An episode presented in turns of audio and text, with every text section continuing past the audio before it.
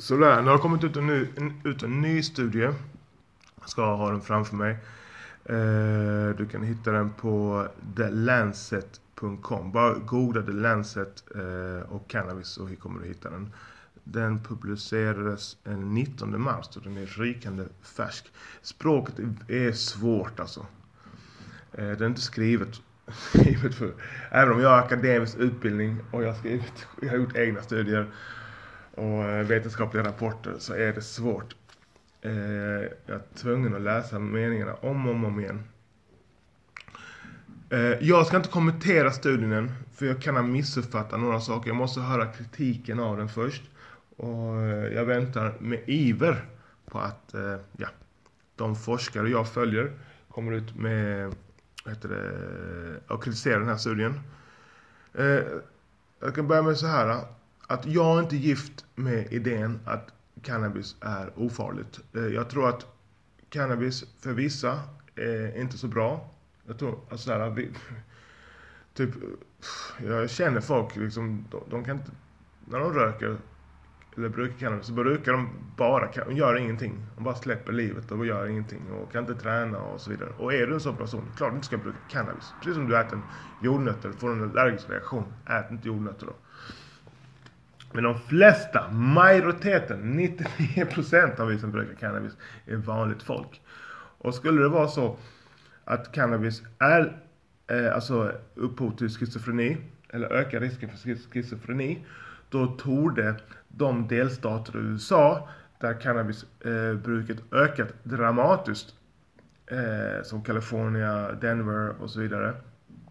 Eller dramatiskt kan jag inte ska säga, men cannabis har ju ökar ju stadigt, vilket jag tycker är jättebra. För det betyder att folk gör mindre andra saker. Alltså det är, cannabis är den bästa och mildaste formen av vad säger, relief, formen av, vad heter det, drog eller vad man ska kalla det. Som du kan ta om du vill känna lite, jag har hållit en paus i vardagen och stressa ner. Så är den, alltså den är överlägsen alla andra former. Den är inte giftig, tvärtom. Fullt med antioxidanter och nytt, nytta för kroppen. Och för många, de flesta idag, även nyttan för hjärnan.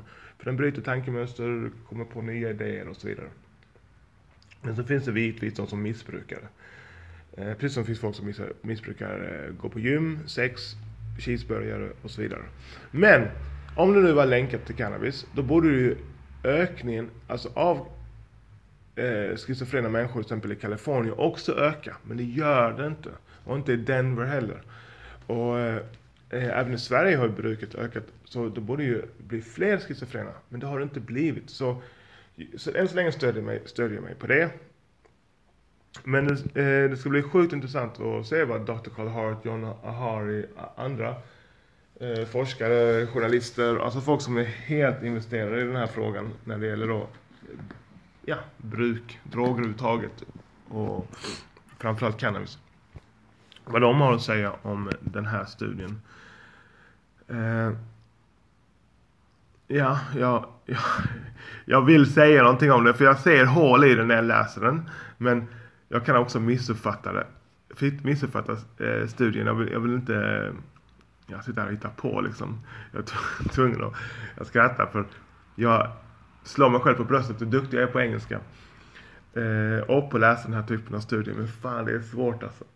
Men eh, vi får se vad, vi får eh, se vad som händer. Fram till dess ska jag fortsätta leva mitt liv. Träna hårt, blaza hårt.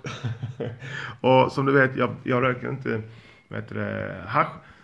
Eh, eller jag röker inte överhuvudtaget. Utan jag, jag vaporiserar. Jag använder Mighty. Och, och sådana här studier får mig också känna att fan jag gör rätt saker. För jag har fått det, jag har hört, det här kan du få googla själv, men enligt en dansk undersökning så innehåller var tredje hash bit spice, något liknande.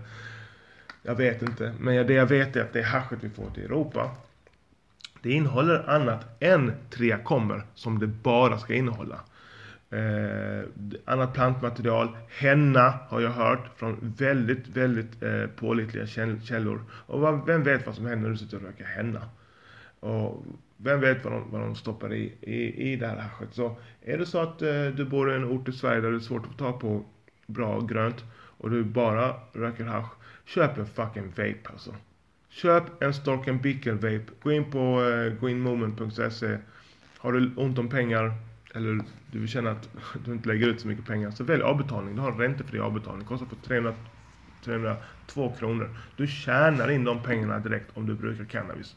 Eftersom en joint är en vaporator av den här magnituden, alltså den, den här kvaliteten som Storken Bickel gör. Eh, eh, en, en joint på 0,5 motsvarar, som du röker, 0,16. Det är, fan jag räknade ut det häromdagen, 300 procent eh, mindre. du behöver 300% mer material i din joint för att få samma effekt jämfört med om du eh, använder en, eh, en uh, vaporizer från eh, uh, Storken Bickle. Då har vi Plenty, Mighty, Plenty, Mighty, Crafty och uh, Volcano. Och just nu har jag en riktig kärlekshistoria med, med Volcano. Den är fucking outstanding. Så ja, det var vad jag hade att säga. Jag väntar med spänning på den här studien. Eller på kritiken eh, på den här studien. Och det ska bli väldigt roligt att läsa. Och jag tror de kommer slita de här stycken. För det kommer då och då den här eh, psykosgrejen. Att om oh, du röker cannabis ökar risken för psykos. Och det finns ju åtaliga studier som säger det. Eh, det finns också åtaliga studier som eh, säger att det ökar risken för psykos om du har katt. För det finns, det finns psykos länkat till kattinnehav. Och det är en studie som är seriös och den har gjorts fler än en gång. Men den, på, den studien vill bara påvisa att du måste tänka själv när du läser en studie. För det är, det är sant, de som har katter, hem, alltså katter hemma i sitt hem är överrepresenterade bland eh, de människor som får psykos. Det är sant. Men det betyder inte att katter är psykos. Utan hur kan det vara så? Det kan vara till exempel att de som är benägna för psykos är, vet inte, oroliga människor som vill ha någon att gulla med. Därför köper de en katt. Till exempel. Precis som den här studien. Eh, om du äter glass så riskerar du se så mycket mer, alltså större chans att drunkna. Om du inte äter, att äter glass, att äta glass får du drunkna. Utan glass köper vi oftast på sommaren. Och eh, gärna när vi badar. Så därför är, är, är glasskonsumtionen, kan man säga glasskonsumtion, Eh, den, eh, heter det, man kan dra paralleller till drunknings, antal drunkningsolyckor. Man säger att den eh, korrelerar liksom. Men det finns ingen kausalitet, det finns inget orsakssamband mellan glass, glasskonsumtion och eh, drunkningar. Utan när glasskonsumtionen ökar, då badar vi mer. Eftersom vi äter glass på sommaren. Och när vi badar mer, då ökar risken för att drunkna. Så den som badar mycket ökar risken för att drunkna jämfört med den som inte badar alls. Typ kan man säga också. Man måste fortfarande tänka. Är du eh, Michael Phelps, hmm, riskerar du nada när du badar. Och är du en tjockis som aldrig rör på dig och du ska ut eh, i strömt vatten. Då har du eh, goda chanser att du eh, drunknar. Så vi måste, måste tänka själv. Studier är till för att hjälpa oss att tänka och, och, och liksom ja, hjälpa oss i vår kognitiva process. Okej, okay.